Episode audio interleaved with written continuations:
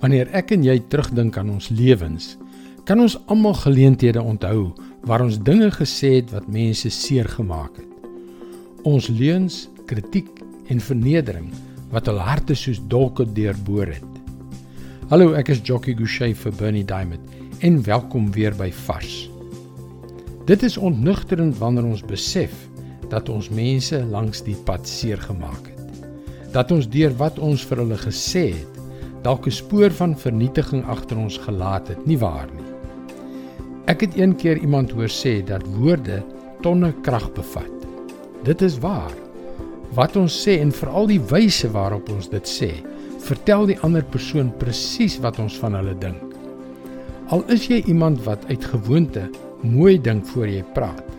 Kom ons erken maar dat baie van ons die eerste ding wat by ons opkom, sonder om te dink en sonder enige soort filter, uitblaker.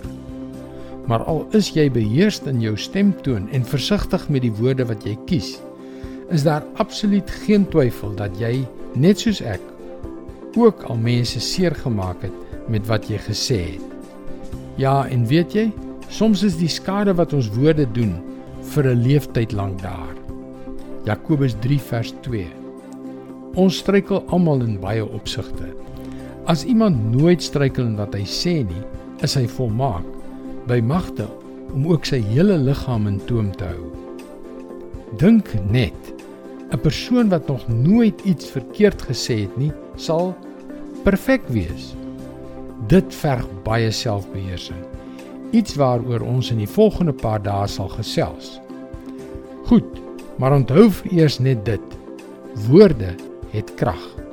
Die krag om goed te doen en die krag om skade te berokken. Elke woord wat ek en jy sê, sal tot 'n mate die een of die ander gevolg hê. Wees versigtig met wat jy sê.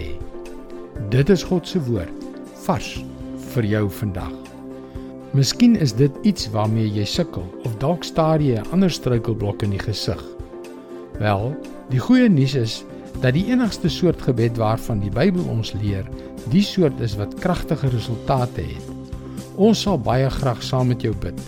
Gaan gerus na powerfulprayer.org om jou gebedsversoek te deel. Mooi loop en luister weer môre na jou gunsteling stasie.